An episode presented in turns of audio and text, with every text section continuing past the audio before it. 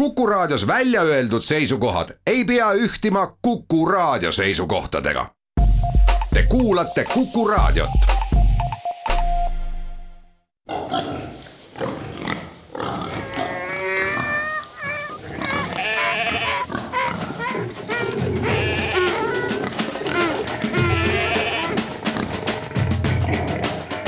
loomult loom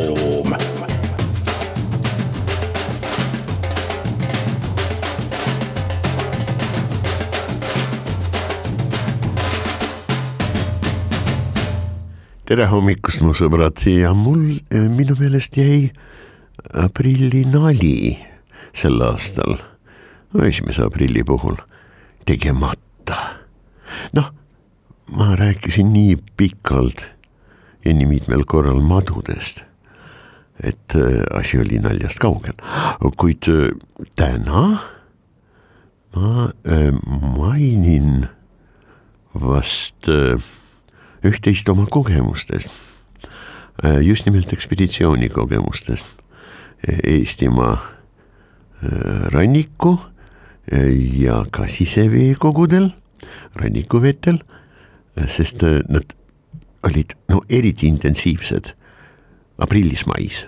muidugi algasid nad välitööd, ekspeditsioonid mereinstituudist ja juba märtsis ja lõppesid tavaliselt oktoobris, vahest isegi päris oktoobri lõpul või isegi novembris. aga jah, see on see aastaaeg märtsist öö, oktoobrini kaasa arvatud, millal me rändasime. no seoses sellega kohe kohe-kohe muidugi tulevad jutuks rändelinnud, kes rändavad tavaliselt ka umbes sellisel ajal. loomulikult on selliseid, kes on juba veebruaris hulkumas, no näiteks veebruari lõpupoole tavaliselt tulevad need rasvatihased, kes eh, ei jäänud noh, oma koduhoovi nii-öelda jah, nad on ju hulkujad. sellised eh, siis veebruaris tulevad vahest, nüüd kliima soojeneb ja vahest veebruaris ja mitte harva nüüd viimastel aastatel tulevad kuldnokad, mõned. aga muidugi ma ei üritagi eh, meil on ju tegelikult lühikesed kohtumised siin pühapäeva hommikul ähm, mainida, kuivõrd palju nendest rändelindudest, ma usun, et ma piirdun minu lemmikute röövlindudega. no vot äh, nende seas näiteks äh, on üks huvitav paar. Äh, kanakull, kes ainult nooruses rändab ja rändab tavaliselt lõuna suunas oktoobris-novembris ja kogu lugu. täiskasvanud, kogenud, ta on ju suur röövlind, kanakullid, isegi kui on üsna karm talv, ikka kenasti talvituvad meil, tegutsevad siin, loomulikult liiguvad, omapäraselt liiguvad, no näiteks kui talv on lumine ja väga külm Eh, siis koguneb eh, vareslasi, küll paikseid, küll neid hulkureid, kes tulid kuskilt Kirdes edela eh, suunas. Ja neid koguneb inimasulate juurde. ja üldse mitte ainult prügimägedele. Ja kanakullil, aga ka teistel meil talvituvatel röövlindudel on väga hea neid nii-öelda toiduks võtta Äh, nii et äh, jah, paljud röövlinnud, nii päevased kui ka kagulised kui ka öösed, elavad äh, eriti arvukalt talve üle, kui talv on karm. tänu sellele, et on hea küttida vareseid, kes kogunevad lihtsalt inimasulatesse. aga no näiteks selline imekaunis lind nagu rooloorkull oi jaa, ta on mul tõesti lemmik. ta on äh, kah selline, et rändavad peamiselt noored. aga jah, ikkagi rändab rooloorkull ähm, ilmselt in corpore, ka vanemad linnud. jah, sooloorkull, ta võib talvituda kenasti, kuid enamasti sooloorkullid tulevad just aprillis, aga ka mais muidugi, kes kindlasti tuleb just nimelt no märtsi lõpp, eks ole, või teine pool ja aprillis on minu lemmik rooloorkull. no taliviu, hiireviu, nemad naasevad ka praegusel ajal. päris paljud on juba kohal. Ja kujutage ette, minu poeg, kes linde, röövlinde igal juhul tunneb, tal on ka hea nägemine. Päris hea, palju parem kui minu oma praegu, mul oli. Aastakümneid väga hea nägemine, aga noh, välisooloog mikroskopist sealjuures tuli kasutada päikesevalgust peegli abil mikroskopeerides, no näiteks paadis, otsides kala keha peal, kala keha pealt kogutud limas või lõbuste pealt või paarisuimede alt, vot seal nagu kaenlaaukudest, rinnauimede kaenlaaukudest kaladel võetud limast või ninasõõrmetest. Ka need kohad tuleb kindlasti läbi vaadata, otsides ektoparasiite peamiselt ripsloomi, parasiitseid, trihodino, trihodinella, aga loomulikult neid on ka teisi. ja no varakevadel võib-olla küll mitte, kuid hiljem ikka paadis, ikka kala veest väljast, kohe võtan ma äh, proovi ja siis hakkan päris mikroskoobiga. see tähendab äh, tugeva valguse nii-öelda äh, sellise samba seest, jah, otsima neid tõesti mikroskoopilisi loomi. no mõned nendest on no kümnendik millimeetrit pikad ja täiskasvanud. no näiteks ühepõlvsed või ainupõlvsed imiussid, monogenea.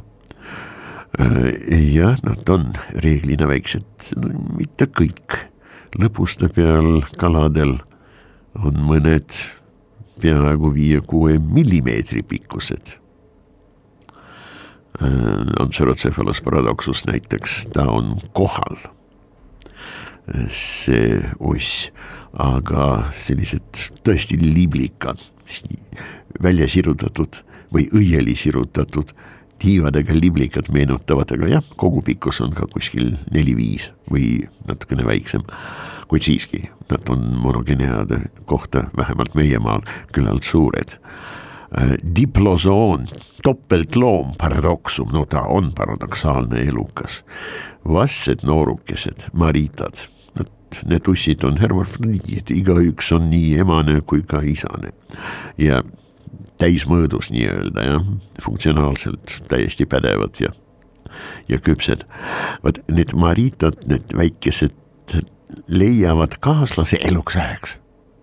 vaat see on tõepoolest abielu eluks ajaks, pääsu ei ole sest äh, nad ussid, igaüks on nii poiss kui ka tüdruk, nad lähevad teine teise peale ja kasvavad kokku keskel nii et ja see abielu on eluks ajaks.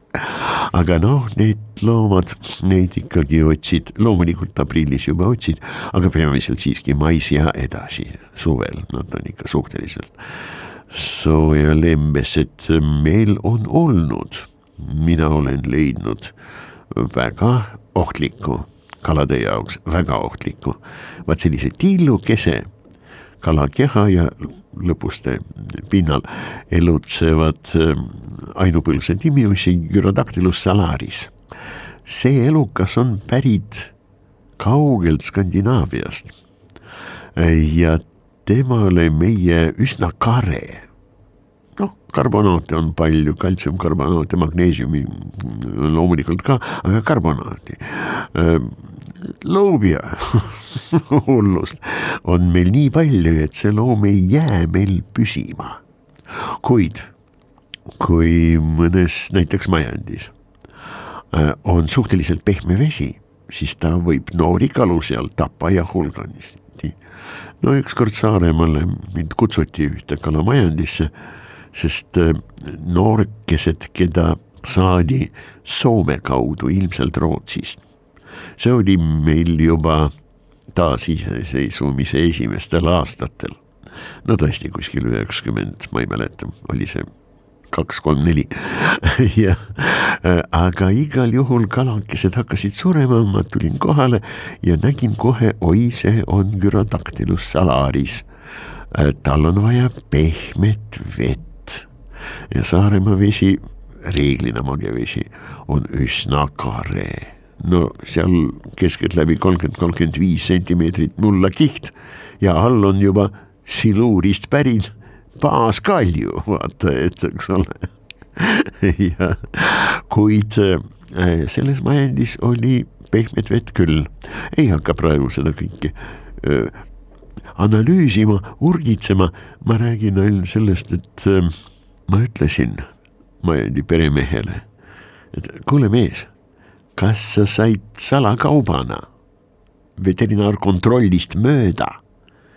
vaat need elusad väiksed maimukesed sealt Skandinaaviast. ma ei hakka kaebama, aga tunnista ausalt, see on tähtis.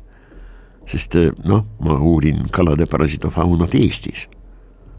ja mul on väga tähtis teada kas nad tulid kuskilt seal, ma ei tea, Rootsi graniitide pealt, eks ole, kus on pehme vesi. Ähm, ja kas nad jäävad siia? Äh, ta tunnistas, et jah, soomlased müüsid talle seda marja ja otse, vahetult.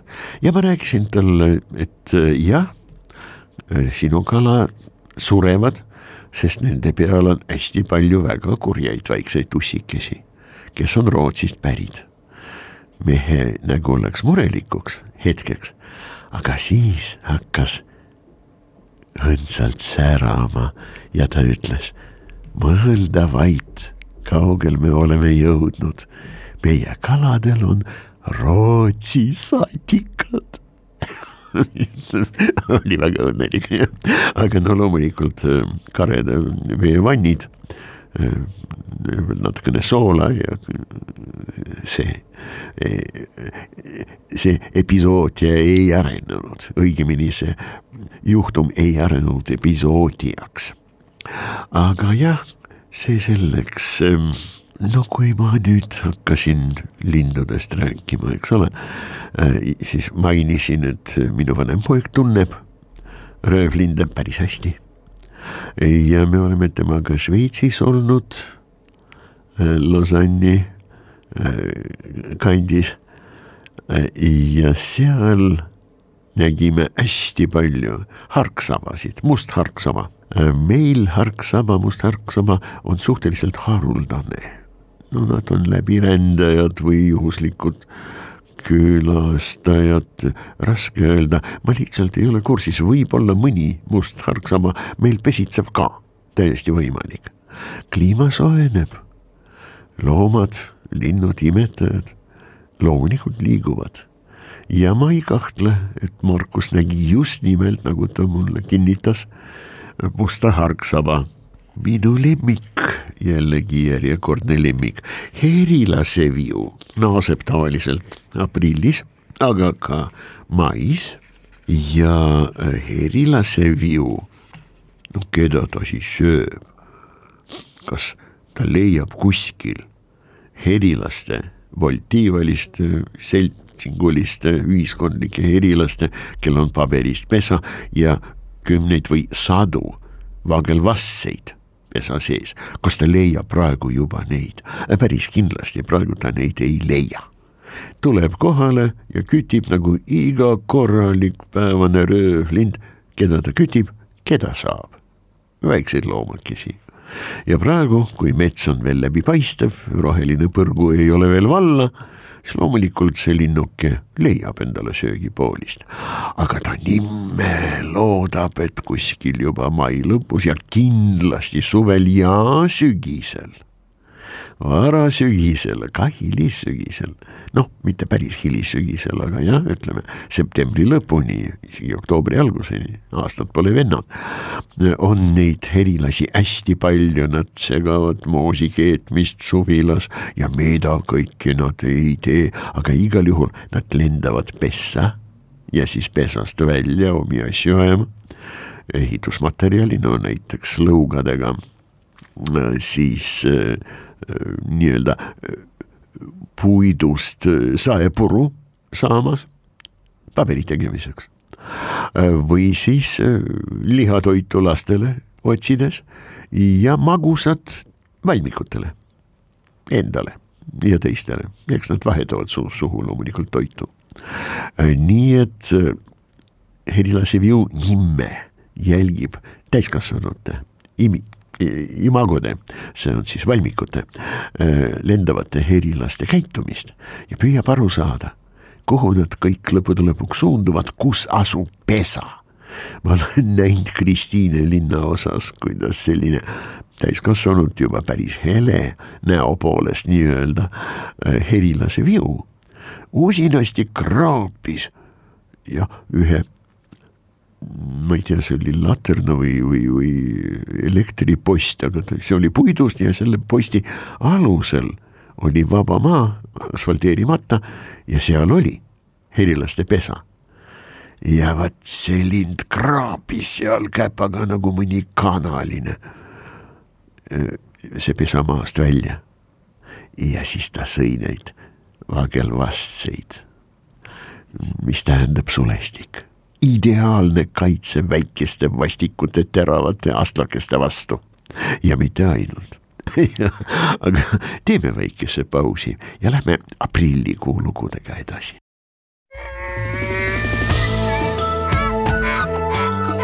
loomult.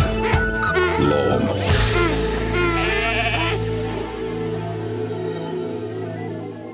aprillis naaseb ka kalakotkas ja vot see on loomulikult minu lemmik, selge see, aga vot see kalakotkas, minu kohtumised kalakotkaga olid mitte päris eranditult, aga enamasti Kasari jõel ja just nimelt, just nimelt hilisaprilli ja kindlasti maikuus. no ka hiljem muidugi, imekaunis lind ja see, kuidas ta ei näe teda seal, vähemalt mina mitte kui ta istub vaikselt seal Kassari vanasängi kaldal mõne suure puu otsas, mida koprad ei ole veel nii-öelda maha võtnud. Ja koprad on seal oma tööd teinud, no üheksakümnendate aastate teisel poolel, aga ka hiljem nii usinasti, et kolmenädalaste vahedega, kui me käisime vahest seal ekspeditsiooniga just nimelt Kasari vanasäng, siis sa ei tunne kallast. kus on suured vanad puud? kõik on maas mitte igal pool, aga õigetes kohtades kus kobral on hea ehitada. jah, seda küll, kuid jah, kalakotkast, kui ta istub ühe sellise suure puu otsas, sa teda eriti ei märka ja siis oled kummipaadiga, suur kummipaat, päästepaat. me oleme kolme-neljakesi seal paadis. ja oleme vaiksed enam-vähem. mis sa ikka märatsed, kui sul on tööd teha, tee tööd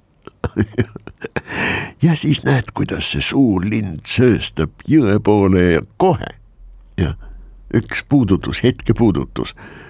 kotkas puudutab siis veepinda natukene sinna sisse ka ja juba tal on särg käpas või teib.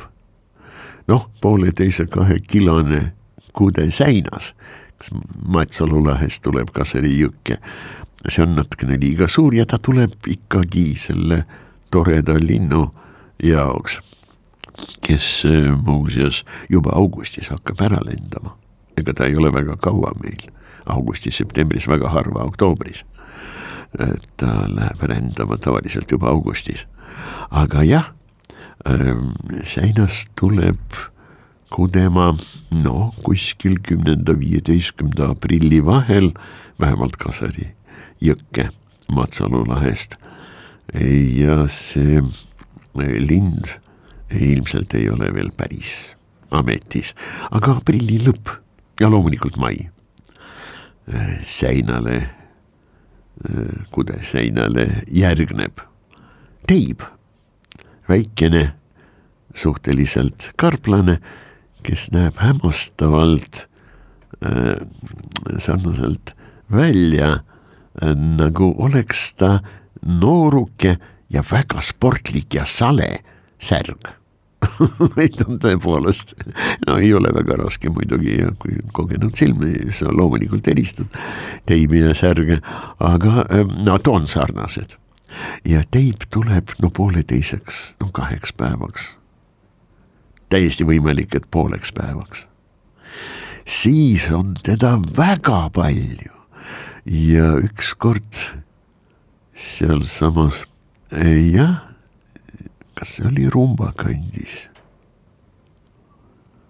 Või Liivi jõe peal, ma ei mäleta täpselt juba seda kohta. aga äh, minu kolleegid, noh, nad on väga kogenud äh, kalamehed kõik, noh, mina kütin, otsin, püüan ja saan kätte parasiite kaladest mina nii-öelda oma pintsetidega õngitsen kala seest välja parasiite ja kolleegid ihtioloogid loomulikult õngitsevad, noh, ma ei tea, kas kindlasti õngitsevad või püüavad võrkudega või elektroagregaadiga teaduslikku püüki sooritavad, aga igal juhul nad võtavad kala veest. ja vaat need minu head sõbrad ja kolleegid äh, tõmbasid nii, et ma hakkasin nende nii-öelda ergutamiseks äh, laulma midagi sellist nagu pumpa, pumpa, tõmba, tõmba, pumpa, pumpa iga tõmba või pumba peale üks täib oli konksu otsas. loomulikult me ei püüdnud üle ei olnud mingit vajadust ega, ega ei tohi ka loomulikult, teaduslik püük okei aga jah kes meil tuleb veel minu lemmikutest röövlindudest. no tegelikult tuuletallaja on juba kohal. Need linnud, need on pistrikud, pistrikulised tuuletallajad. noh, emane on suurem, nii nagu päevastele röövlindudele ja ka pistrikulistele, kaks väga lähedast seltsi, äh, on üldse omane, loomulikult kakuliste seas on see reegel ka üsna levinud. Äh, emane on suurem ja vaieldamatult domineerib paaris. kuid jah, tuletalle ja emane on kergelt pruunika tooniga, isane singjas hallika tooniga. ilusad linnud ja pistrikulised, nagu nad on, neid näed kenasti ja juba märtsis. aga enamasti linnades, asulates. tuvid, kodutuvid, lemmiksaag ja ma oma rõdul olen näinud märtsi lõpp, jah, kuidas no silma järgi jah, minu rõdu on küllalt kõrge, seitsmendal korrusel. Ja on avatud ida poole nii et äh, hommikul oli väga hea vaadata, kuidas tuuled alla ja selg tõusma päikse poole, et päike ei lööks silma. Äh, sööstis tohutu kiirusega ja peaaegu vertikaalselt alla umbes kahesaja meetri kõrguselt. siis ma, all olid majad ja puud ja loomulikult, mis ta seal tegi, ma ei näinud, aga siis ma nägin, kuidas ta tuviga lendas ära väga kindlalt kuskil lõunasse okei okay., need äh, aprillikuu mälestused. Äh, noh, seoses Eestimaa loomadega, peamiselt Eestimaa loomadega. Neid on mul nii palju et äh, loomulikult ühes saates ei saa neid kuigivõrd kuigivõrd tõsiselt ette võtta. aga miks just aprillis? kõigepealt aprillis reeglina tuleb kudema ju haug, luha peale, selg veest väljas, kui see on suur suudmekoll, selline tõesti noh, nelja-viie või kuue-seitsme kilone haug, siis pool tema kehast ülemine, ülakeha on loomulikult veest väljas. Luha peal, no kui palju seal vett on, no viisteist, no kakskümmend sentimeetrit, mõnes kohas võib-olla natukene rohkem, kuni pool meetrit, selge see. no seal loomulikult sa seda kala ei näe, aga ta läheb luha peale. Peavoolust. Ja siis loomulikult otsib parajat kudemispaika ja muidugi märgistab oma rada. Te ju teate, mu sõbrad, kuidas lõhnab nii omapäraselt just nimelt haug. tal on eriline, noh, see on tegelikult feromoon, aga eriline lõhnaaine, lisased toodavad, seda, see ei ole üks ainus keemiline vahend, see on kokteil. aga jah, peamine aine on esotsiin, esoks, esoks lucius on meie haug, jah, perekond esoks ja selle auks on nimetatud see aromaatne aine, esotsiin, see on täiesti kindel vihje, markeering, teekonna markeering emastele. kõigepealt tulevad isased luha peale, hea luha, nad jäävad sinna, jäävad lõhnaga, kutsuvad emased järgnema. ja muidugi toredad röövlinnud kaugeltki mitte ainult kalakotkas, kõik nad vaatavad sobivas suuruses haugi luhe peale. muidugi ka sellised linnud, äh, kes ei ole veelinnud, aga kalatoidulised. no peamiselt suured toonekurelised, must ja valge toonekured, eks nad märtsis-aprillis saabuvad, kuid see on natukene pikem lugu, igatahes nad talvituvad eh, lahus, emane-isane. ja ei pruugi üldse sama paar eh, lapsi ilmale eh, tuua igal järgneval aastal, vaid nad on üsna pesapaigatruud linnud, pesitsuspaigatruudus vot see on tõsi, see on nii Mustal toonekurel, no tema lood on meil lihtsalt halvad. tal on vaja suurt ja katkematut metsamassiivi, kus suurtel puudel hästi peidetud kohtades ta ainult pesitsebki. tooner eesti keeles on tema õige nimetus. valge toonekurg kes muidugi ei ole kurg. Nad ei ole kurelised, nad on toonekurelised ja valge toonekurg, kes meil saartel, no ei ole pesitsenud, ma ei tea, kuidas praegu on. ma ei ole saartel pesitsemas neid näinud mitte. Äh,. väikseid konni ja kalakesi püüdmas sügisel.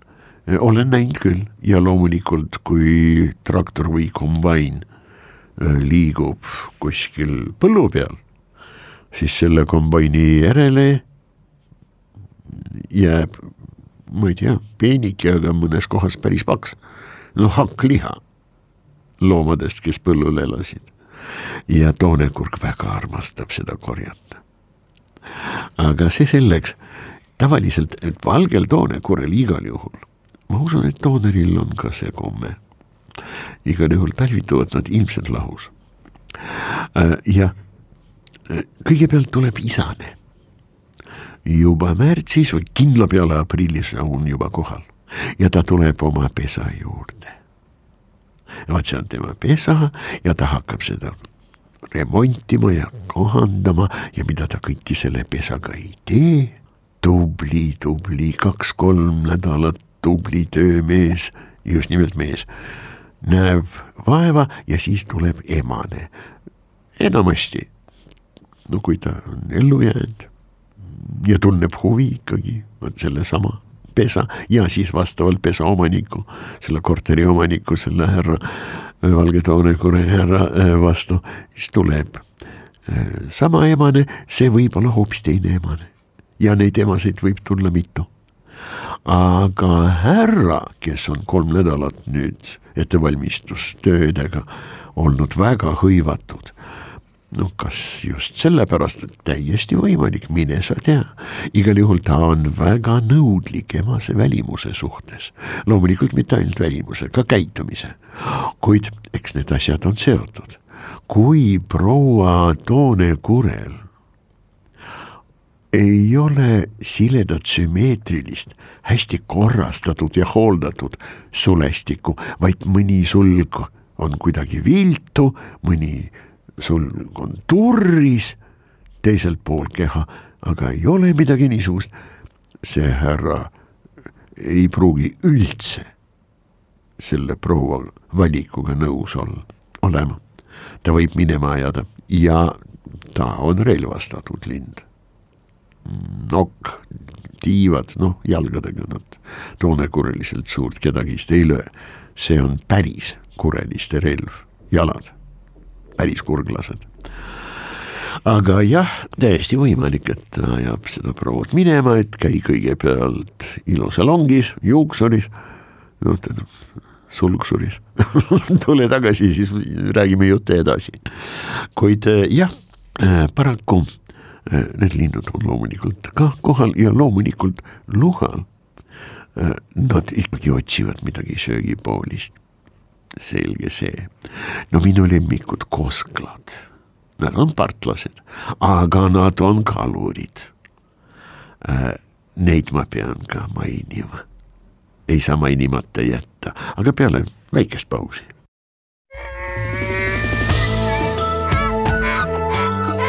loomult loom.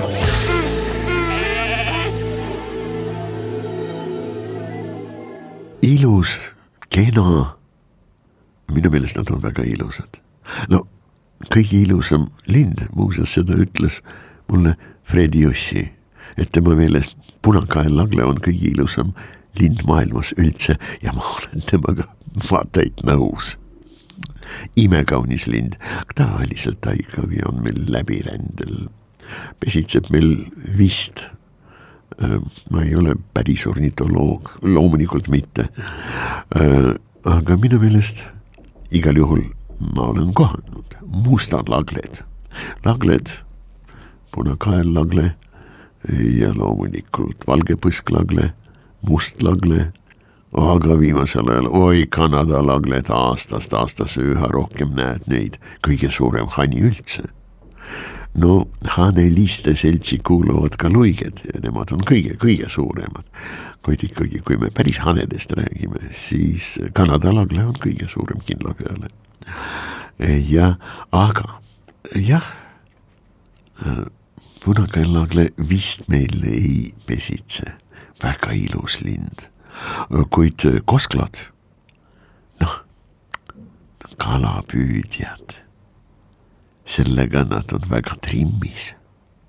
Nad on väga kiired, sukelduvad väga paljud sukelpardid, noh, ujuvad pardid. Enamasti ei sukeldu, aga kui on väga vaja, sukelduvad nemadki. No päriselt sukelduda ei saa loomulikult luik, aga see selleks. nii et jääkoskel ilus lind ja pesitseb reeglina puuõõnsustest või mingisugusest kastidest, aga igal juhul hästi kõrgel maakohal. ja tema tuleb märtsis ja täiesti võimalik, et tal on kurn juba märtsi lõpul. õõnsus, kinnine ruum enam-vähem nii-öelda oma keha soojendusega korter. rohukoskel minu meelest on veel ilusam kui jääkoskel. no vot, tema kindlasti tuleb ja pesitseb aprillis. loomulikult jääkosklad võivad ka aprillis olla, selge see. oi, sõbrad, see on nii tore teema, aga jah, ma usun, et noh, lindudest Neid on nii palju, üle kolmesaja kuuekümne liiki linde on ornitofaunas Estonia, Estonikas, eks ole ja nendest täna räägin ainult ühe loo. ja see on otseselt Kasari üle ujutatud luhaga seotud lugu. see oligi hästi varajane aprillikuu vesi oli väga külm. miks ma seda mainin? sest ma enda käest seda täpselt tean. Äh, lugu oli sedasi, et äh, me olime seal alamjooksul äh, oma kummipaadiga ja oli ilus päev, tuult ei olnud kuivõrd tõsist, noh, meri siinsamas lähedal, eks ole, loomulikult võib-olla neli-viis-kuus meetrit sekundis, aga no mis ära ei ole. loomulikult aerutasime hästi vaikselt. ja siis uurisime erilise agregaadiga, kas on ja kus on parajasti käimas haugide kudemine, nii et tõesti varajane aprillikuu. ja siis me nägime suurt täiskasvanud, väga võimsat köhmnokloike. no kohe kaugelt oli näha, et ta on isane. see tema köhm ja vaha naha värvid isasel ja emasel erinevad ikkagi silmale täiesti selgel moel.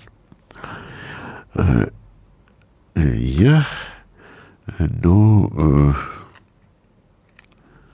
no keda siin mainida muidugi, väike luik, laululuik kui nad meil pesitsevad, nad pesitsevad meil, aga väga vähearvuliselt jah.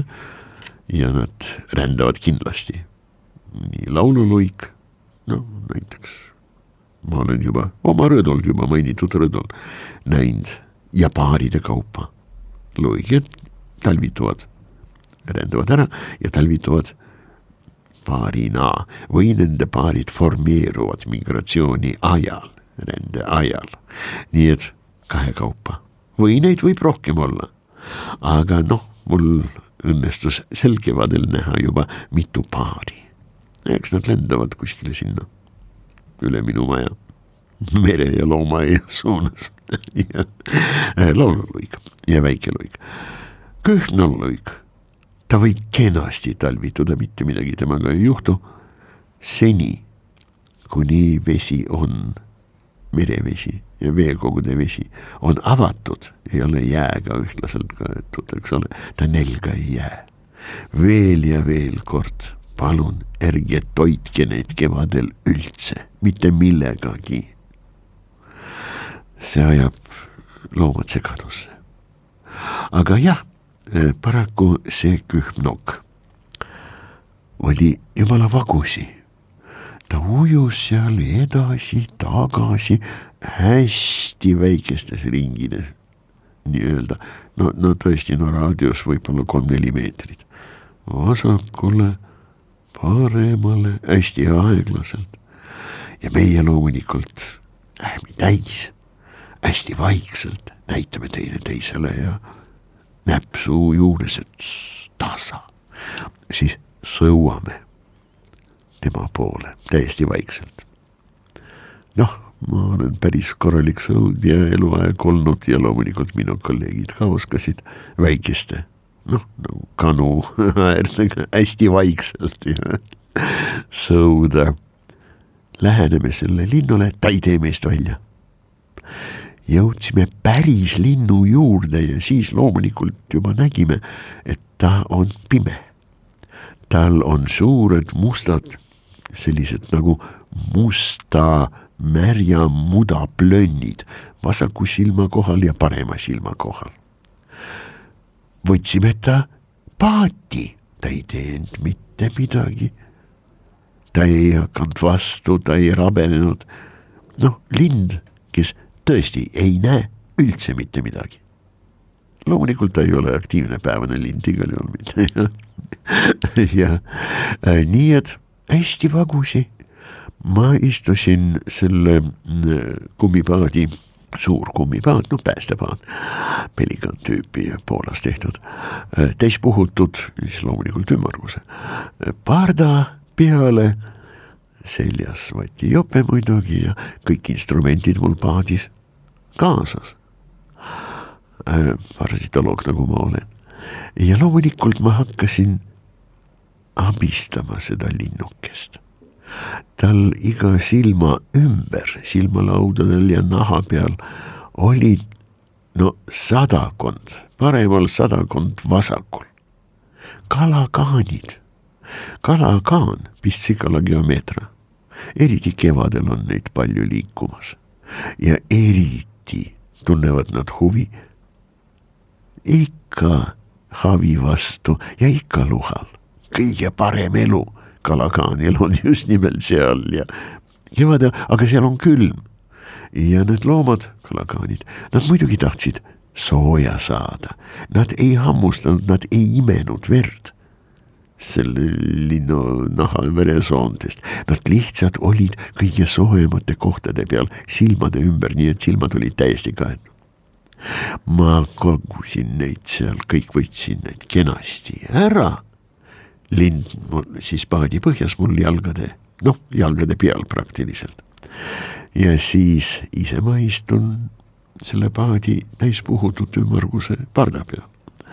ja siis see linnuke tegi silmad lahti momentaalselt lõi lahti oma üüratud ja tohutu tugevad tiivad ja viskas mind vette, kust ma tean, et aprilli alguses Kasari luha peal on väga külm vesi. vaat seal teangi, see ei olnud ainus kord, kui ma aprillis Kasari jões olen ujunud. luha peal loomulikult, mis seal oli paarkümmend, kolmkümmend sentimeetrit vett. eks ole, mul ei tulnud ujuda, ma lihtsalt tõusin püsti. aga teinekord tuli ujuda ja elu eest, kuid see on juba teine lugu. mõnusat pühapäeva ja toredad, toredad aprilli teile loomult loom